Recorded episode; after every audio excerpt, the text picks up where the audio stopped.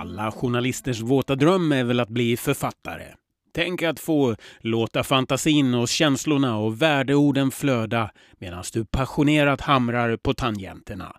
Ett stort steg från knastertorra nyhetstexter. Jag har inte den här skrivarskole, poetiskt språk, eh, dräkten som många har och det är också en sak som många som kommer från så här, skrivarkurser och har lärt sig liksom skriva litterärt först och främst. De har ju mycket mer liknelser och mycket mer sånt och det har inte jag så mycket så jag tycker väl att min sorts skrivande är ganska likt journalistik på många sätt ändå.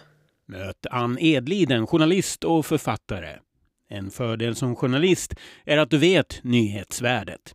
Ann kryddade sin debutbok Någon annans tidsfördriv med stoff från verkligheten.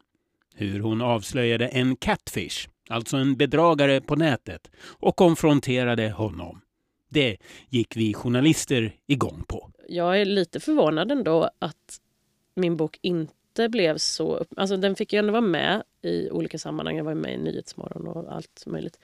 Men sen sam, nästan samtidigt kom det en bok eh, på hösten som handlar bara om en tjej som skrev dagbok om att hon har legat med en massa olika män.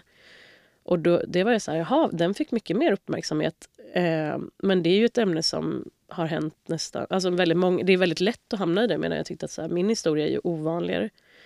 Eh, så det behöver ju inte alltid betyda att det som är det mest o, eh, ovanliga eller kontroversiella är det ämne som väcker mest intresse heller. Du möter Ann i nästa avsnitt av mediepodden Murvel Marko. Läggs ut i slutet av mars. Jag heter Marco Sävele och är bara mig själv. Kan heller inte vara någon annan.